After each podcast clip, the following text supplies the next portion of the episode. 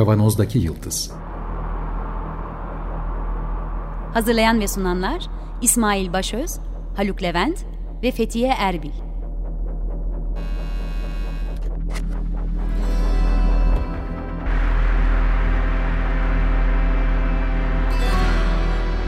Bugünün penceresinden geleceğin ayak izleri. Merhabalar, Açık Radyo'dayız. 95.0 Kavanoz'daki Yıldız programında sizlerle beraberiz. Geleceğin ayak izlerini sürmeye devam ediyoruz ama bu aralar yetişemiyoruz da. Bir şey konuşmayı planlarken önümüze başka konular düşüyor gerçekten. Hatta geçen hafta CRISPR teknolojisinde bir takım değişmeler oldu. Onu bile gündemimize alamadık ki biz yakından takip ediyoruz bunları. Hala geçen haftaki yapay zeka dünyasındaki sarsıntıyı ve bunun üzerindeki oluşan spekülasyonları konuşmaya devam edeceğiz. Ben İsmail, Haluk'la beraberim kayıtta. Merhaba. Geçen hafta konuştuklarımızı kısaca bir tekrar gözden geçirelim. OpenAI şirketinin ki ChatGPT ürünüyle ünlenmiş olan OpenAI şirketinin CEO'su yani yürütücü yürütme kurulu başkanı Sam Altman görevden alınmış sonra da geriye iade edilmişti. Sam Altman'ın görevden alınan yönetim kurulu üyelerinin hepsi ayrıldılar. Sam Altman geldi arkasında büyük bir Microsoft şirketinin desteğiyle beraber ki kar gütmeyen bir kuruluş olan OpenAI firmasının kar amaçlı kurduğu alt firmasına toplamda 13 milyar dolarlık bir yatırım yaptığını Microsoft'un e, okuyoruz e, sağda solda. Yapacağını, yatırım planı açıkladı. Yatırım planını açıkladığını. Şey olmuyor mu Halik o zaman? Parayı vermiş düdüğü çalar. ee, şimdi biraz o üzerinde duracağız zaten. Sen e, bir, bir dakika evet. evet. Şimdi sonra geri aldı dedik ve bu tartışmaların dünyadaki hatırı sayılır otörler tarafından yapılan yorumlarında yapay zekanın güvenilirliği üzerine. Tek seferde söyledim. Bravo bana. Yapıldığı çok hızlı ilerleme olduğu ve yapay zekanın olası ortaya çıkaracağı insanlık için ortaya çıkaracağı sorunların şu andan öngörülüp buna dair önlemler alınarak yürümesi yürünmesi gerektiğini söyleyen ekiple kabaca söylüyorum bunu hızlıca ilerleyen diyen ekip arasında bir tartışma olduğu daha çok gündeme getirildi. Hızlıca ilerleyelim diyen Sam Altman ben burada çok daha fazla spekülasyona girmiyorum. Birçok insan işte kar için daha fazla kar için diye yorumlar yapıyorlar ama hızlı ilerleyelim diyen Sam Altman ve e, onunla beraber ayrılan yönetim kurulu başkanı Osman Brockman e, idi. Bir de ya önlemleri alarak gidelim diyen ekip ki bunların başında da geçen hafta söylediğim gibi bilim subayı Ilya Suskever var idi. Ilya Suskever sonra tekrar Altman'ın geri alınması için yanılmıyorsam OpenAI'ın şirket değerinin düşmesi e, nedeniyle yorumlar yine bir yönde tekrar Altman'ın geri alınması için oy kullanıyor ve Altman geri geliyor. Halbuki Suskever baştan beri OpenAI'nin içerisinde kurulmuş olan ki daha birçok diğer firmada da var olan bir e, birim bu. Super Alignment. Türkçe'ye nasıl düzeltelim? hizaya getirme, yapay evet. zekayı hizaya getirme e, organizasyonu içerisinde. Çünkü e, öngöremiyorlar ve çok büyük riskler olma ihtimalini söylüyorlar. Suskever gibi insanlar ki yine geçen programda ismini verdiğim şu anda Antropik'in kurucusu olan Dario Amadei gibi bu dünyanın önemli insanları yapay zekaları eğitilirken e, onlara limitleri koyalım diyenler. Bir de yapay zeka yola çıksın bunları da limitlemek için yine başka yapay zeka teknolojileri kullanırız diyenler. İlkine küçük bir örnek vereceğim. Mesela yapay zekaya şunu söyleyebiliriz. Bize en iyi enerji kaynağını bul, söyle diyebiliriz. En verimli enerji kaynağını diyelim ki elektrik elde etmek için en verimli enerji kaynağını bul diyebiliriz. O da direkt olarak tabii ki söyleyecektir ki kömür, petrol, doğalgaz vesaire. Çünkü verimli gözüküyor şu anda. Ama bu benim örneğim. Yapay zeka eğitilirken eğer ona iklim değişikliğiyle ilgili limitleri, dünyaya zarar verme limitlerini de yüklersek bunu hiçbir zaman gündeme getirmeyecektir ya da bunun çok zararlı olduğunu söyleyerek gündeme getirecektir gibi çok indirgemeci bir örnek verdim.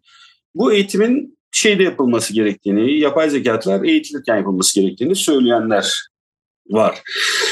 Bir de yine geçen programın sonunda bir nedir? Bir açık radyo için bir gazetecilik başarısı da 24 saat daha dolmadan Reuters'ın haberini paylaşmıştık sizinle.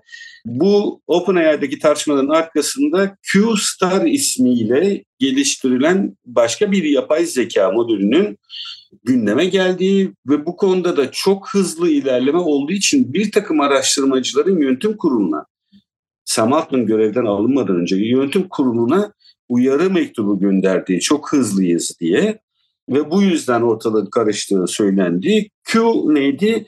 Yapay genel zekaya daha yakın olan bir model olarak ifade edildi. İlkokul düzeyinde de olsa matematik problemleri çözebildiği söylendi. Matematiğin akıllı yürütme için bir ölçüt olduğunu söylüyor bu arada yapay zeka konusundaki otoriteler. Mesela Edinburgh Üniversitesi'nden Wenda Lee bunu söylemiş. Matematik akıl yürütme için bir ölçüt. Yani burada matematiğin şu anki large language modeldeki gibi metin sıralama tekniğinde değil, matematikteki problem çözme tekniğinde ki gelişmenin çok daha altını vurgulanması gerektiği söyleniyor. Şu an matematik problemlerini güvenilir bir şekilde çözebilecek oluşmuş olan bir algoritmalara yani şu anki algoritmalara hatta doğru mimarilere de sahip değiliz diye söylüyor. Yok böyle bir e, mimarisi bile yok henüz diye söylüyor Wendell Lee. Akıl yürütebilen makine yani matematiği de kullanabilen makine mesela haber makalesinden sonuç çıkarabilir diyor. Sadece teksti yan yana koymak değil, oradan mantıkla sonuç çıkarabilir diyor. Bununla beraber Haluk bir şey daha ekleyelim. Bunun da bir e, reklam kampanyası, bir şişme e, haber olduğu olma ihtimalinden de bahsediyor. Çünkü mesela Mayıs ayında Gato ismiyle Google DeepMind böyle bir öncül yapay zeka modülü yine ilan etmişti. O Gato ne yapacaktı? Robot, robot kollarıyla Atari oynadığı söyleniyordu. İşte görsellere altyazı koyabildiği, blokları istifleyebildiği, istifleyebileceği söyleniyordu. Fakat Gato'da henüz bir hareket görmüyoruz Mayıs ayından bu yana. Doğal olarak da burada çok büyük bir yarış olduğu ortada. Yani gerek OpenAI gibi non-profit, kar amacı gütmeyen kuruluşların, gerekse kar amacı güden kuruluşların hepsi çok hızlı bir yarış içinde ki onların da umduğundan hızlı gidiyor her şey. Ve buradaki parayı da paylaşmak çok önemli. Kaldı ki en büyük yatırımı almış olan OpenAI şu anda pastadaki en büyük dilim OpenAI'da Microsoft'tan bildiğim kadarıyla. Bu kadar hızlı giden bir yerde de çok büyük bir yine de para kapışması var. Buradan da kurtulamıyor. Öyle gözüküyor iş. Kar gütmeyen bir kuruluş olan OpenAI'nin yönetimine şimdi ilginç isimler geldi. Burada seni toplu sana bırakıyorum. İktisat alanı uzmanı olarak. evet evet. Şimdi bu bir kere bir teknolojide bir önemli sıçramanın gerçekleştirildiği veya gerçekleştirmek üzere olduğunu anlıyoruz bütün bu e, tartışmalardan. E, senin de altın çizdiğin gibi bir de Gemini projesi vardı şeyin Google'ın yanlış hatırlamıyorsam. O da işte AlphaGo'daki searching algoritmasıyla bu yeni tip yaklaşımın e, machine learning, makine öğrenmesine yeni tip yaklaşımın birleştirilmesine oluşuyordu. Orada da bir büyük ses yok ama onun daha çok bu dördüncü versiyonla eşdeğer olduğunu söyleyen araştırmacılar var. Google'ın da bu konuda epey bir yatırım var. Şimdi baktığımız zaman bu epeydir dile getirdiğimiz bir mesele var. Bu dizinin başından itibaren diyelim en azından. O da bir oligarşi oluştu. Yani bu oligarşinin üyesi olan 3-4 tane şirket var ve bunlar arasında acayip bir şey var. Savaş var diyelim. Microsoft bunlar arasında değildi bu arada. Öyle mi? E tabii. Microsoft çünkü Microsoft'un e, hükmettiği bir veri tabanı yoktu. İşte yapay zeka tool'u yoktu falan. Yani sonuç Azure diye bir database management var ama o halen bir software. Yani bir Google, bir Amazon, işte ne bileyim doğrudan ilişkilendirilmiş yoktu. Bir Apple gibi falan. Apple hatta o kadar yaygın değil anladığım kadarıyla. Yani en büyüğü Google zaten bu database açısından baktığımızda. Şimdi bunlar olmadığı için stratejik bir adım atma açısından Microsoft'un yaptığı gerçekten çok önemli. Geçen programda biraz üzerinde durmuştuk. Azure'un kullanılmasını zorunlu tutarak ya da bir işbirliği çerçevesinde kullanılmasını sağlayarak 1 milyar dolarlık yatırımı 2019'da bir şeye vakfetmişti. OpenAI'ya. Ayrıca da Bing e, uygulamasının içerisine zaten direkt tabii. Evet. Yani Bing or, çok çok geride kaldı çünkü. Şimdi bunun üzerine saldırması bir anlamıyla bunu iktisatçıların e, yaklaşımıyla ele alacak olursak mikro iktisatta oligopolistik piyasa olarak görmemiz gerekiyor. Çünkü 3-4 tane önemli oyuncu var. Geride, gerideki bütün herkes onu takip ediyor. Onların davranışlarını kendi amaç fonksiyonlarının bir parçası haline getirip kestirip ona göre kendileri için en avantajlı pozisyonu almaya çalışıyorlar. Bunların sayısı sınırsız tabii ama sonuçta piyasayı bırak. Fakat bunlar arasında da büyük bir rekabet var haliyle. Ve bu rekabette de bir adım atması Microsoft açısından olumlu değerlendirilebilecek bir şey. Çünkü diğer rakiplerin el, e, elindekine göre biraz daha iyi bir teknoloji olduğu söyleniyor. Senin e, Q-Star diye bahsetmiştin. Ben de biraz baktım geçen haftadan bu yana bu Q-Star neymiş diye. Şimdi bu o yüzden bu senin alıntı yaptığın araştırmacının ya da öğretim üyesinin söylediği e, şeyi bir parça anlamlandırmak açısından belki bu Q'nun ve Star'ın ne anlama geldiğini konuşmakta fayda var. Q, Q learning denen bir yaklaşımı ifade ediyor. Bu makine öğrenmesindeki alt analiz araçları dallarından bir tanesi reinforcement learning metot dedikleri bir bir metodu e, içeriyor. Dolayısıyla burada bir makine öğrenmesinde modern metotlardan bir tanesi, yöntemlerden bir tanesi algoritmanın bir parçası haline gelmiş durumda. Bir de bu yine bilgisayar e, böyle algoritma dersleri falan verenler hatırlı yani hemen şey yapacaklardır. Satış elemanı rotası diye bilinen bir şey vardır. Yani bu en zor problemlerden bir tanesidir aslında. Çünkü çok sayıda seçim söz konusu. Buna iyi yaklaşımlardan bir tanesi olarak söyle yani arama yaklaşımı olarak diyelim. Bu o, bir problem. Önce onu söyleyeyim. E, problem o problemde rota çizmek gerekiyor ve bu rot, çizdiğin rotanın da en efektif rota olduğundan emin olman e, gerekiyor. Buna bunu sağlamak üzere de bir sürü yaklaşım var elbette. Star da o oradan geliyor. Star da bu yaklaşımlardan bir tanesi. Dolayısıyla bu aslında reinforcement learning metodolojisiyle bu star searching metodolojisi, arama metodolojisini birleştiren bir algoritma olduğunu anlıyoruz. Yani e, bugüne kadar yapılan değerlendirmelerden çıkarttığımız şey bu.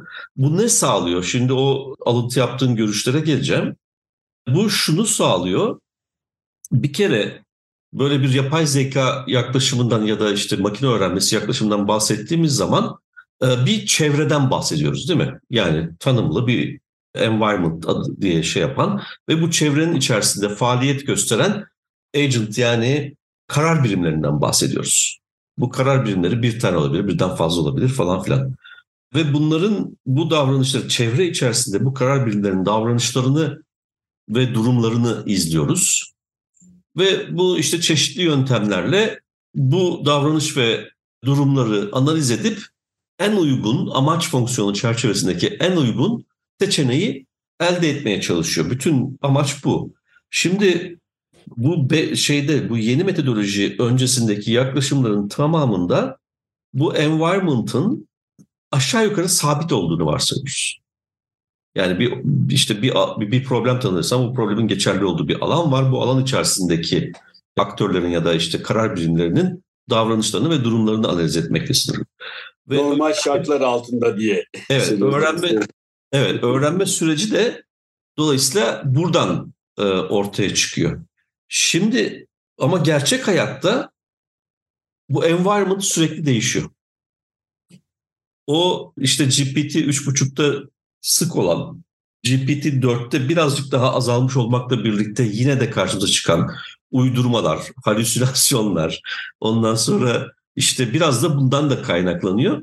Çünkü yani hem bu environment'ı sabit kabul ediyorsunuz. Dolayısıyla farklı bir environment yani bağlamın değiştiğinden bahsettiğimiz zaman evet. bağlam evet. içerisinde anlamsız kalan sonuçları gerçekçi bir sonuç gibi değerlendirdiği için onu ben ben yazdım sen ne yaparsan yap diye veriyor.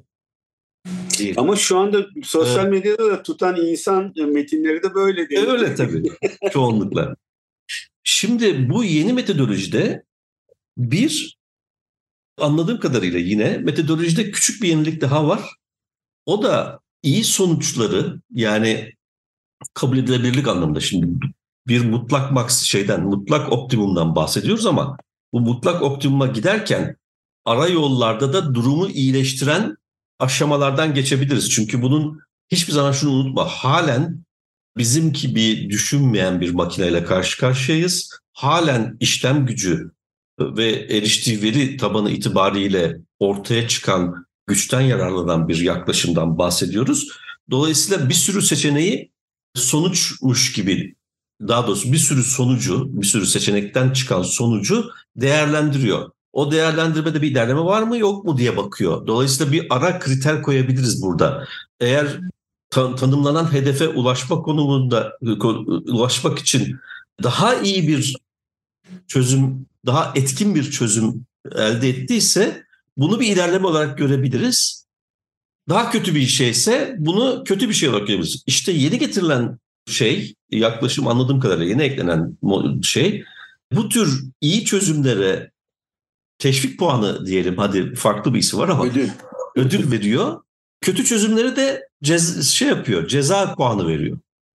Dolayısıyla öğrenme sürecinde bir de bu tür bir şey var. Normatif tırnak içinde söylüyorum tabii.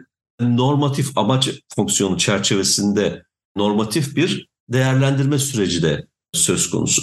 Şimdi bir metodolojik yenilik var. İki bu arama şeyi anlamında en zor problemlerden bir tanesinde etkin kabul edilen bir çözüm aracını eklemlemiş durumda. Bir de bu tür bir yaklaşım var. Dolayısıyla burada öğrenme süreci etkin hale geliyor ve bu bağlam değişmesini de analizin içerisine dahil edebilecek bir seviyeye ulaştığını söylüyor bazı yorumcular.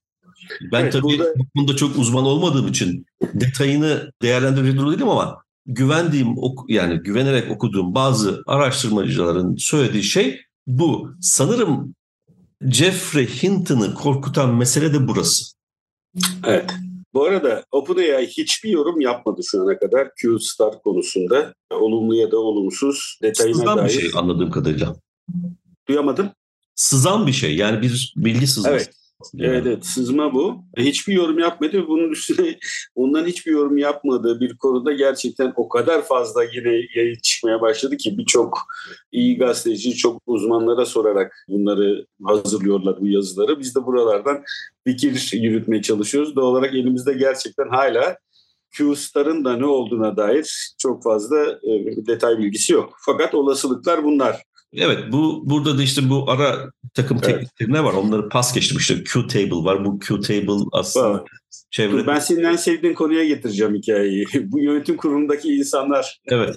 Yeni yönetim kurulundaki insanlar. evet. Şimdi dolayısıyla böyle bir e, müthiş teknolojik ilerleme olduğunu varsayıyoruz. Bunun kontrol edilebilirlikle ilgili yani yapay zekanın kontrol edilebilirliğiyle ilgili kuşkular yarattığı en azından bazı uzmanlarda kuşkular yarattığı bir durumla e, karşı karşıyayız. Kontekst içerisinde bu bağlam içerisinde şimdi olan biteni tekrar değerlendirmekte fayda var. Bağlamın önemli şey unsurlarından bir tanesi Hinton'ın ikinci uyarısı açık mektubu. Birisi daha ayrıntılı bir açık mektup. İkincisi yapmayın arkadaşlar bu iş kötü olacak. Yok sarpa sarıyor. Evet. Argo kullanmayalım. Sarpa sarıyor gibi kullanalım. Bunu bunu da unutmadan. İkincisi vakıfın yani bu OpenAI vakfının kuruluş amacının iki tane olduğunu söylemiştik. Bir tanesi Hinton'ın uyarısıyla örtüşen bir şey. Diyor ki işte bu yapay zekadaki gelişme çok süratli gerçekleşiyor ama burada güvenlik meselesini hep ön planda tutmamız gerekir. O yüzden bu güvenlik arayışını terk etmeden gelişmeyi şey yapalım. Bu tabii piyasa rekabetiyle çok uyumlu bir şey değil. Onu ona karşı durmayı gerektiren bir bir yaklaşımdı. İkincisi de erişim.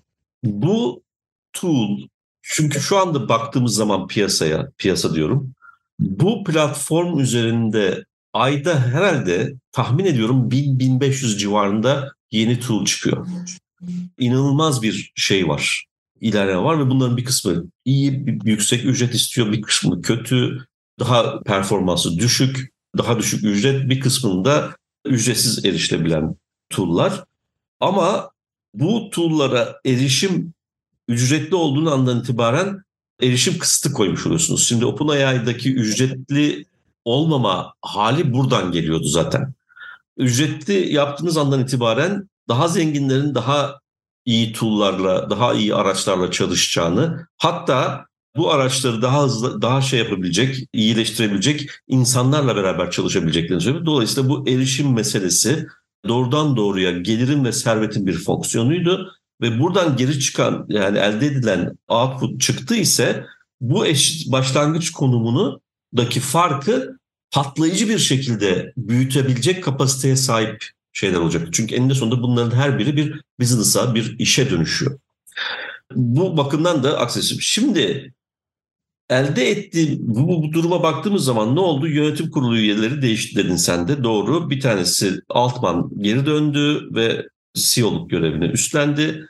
Yanın, yanında beraberinde Larry Summers diye benim yaşayan en toksik iktisatçılar arasında gördüğüm insanı getirdi. Çünkü bu işte Inside Job belgeseli seyredilecek olursa orada bu arkadaşımızı göreceksiniz. 2008 krizini döşeyen, taşlarını döşeyen 5-6 iktisatçıdan bir tanesidir kendisi. Yine Z, şeyin İzlanda'nın batışında rolü olan bir danışman arkadaşımızdır kendisi. Demokrat Parti çetesindendir Amerika'da. Cinsiyetçilikten hakkında soruşturma yapılmıştır falan filan Harvard'da şeyken, rektörken. Bir de daha önemlisi Microsoft'un sandalyesi var artık. Yani Microsoft yönetim kurulunda temsil ediliyor resmi olarak. Dolayısıyla bu aslında OpenAI ile Microsoft arasında organik bir yapının oluştuğunu bize gösteriyor zaten. Hemen kısaca söyleyeceğim. Çıkarılan iki tane yönetim kurulu üyesi, 4-5 tane vardı.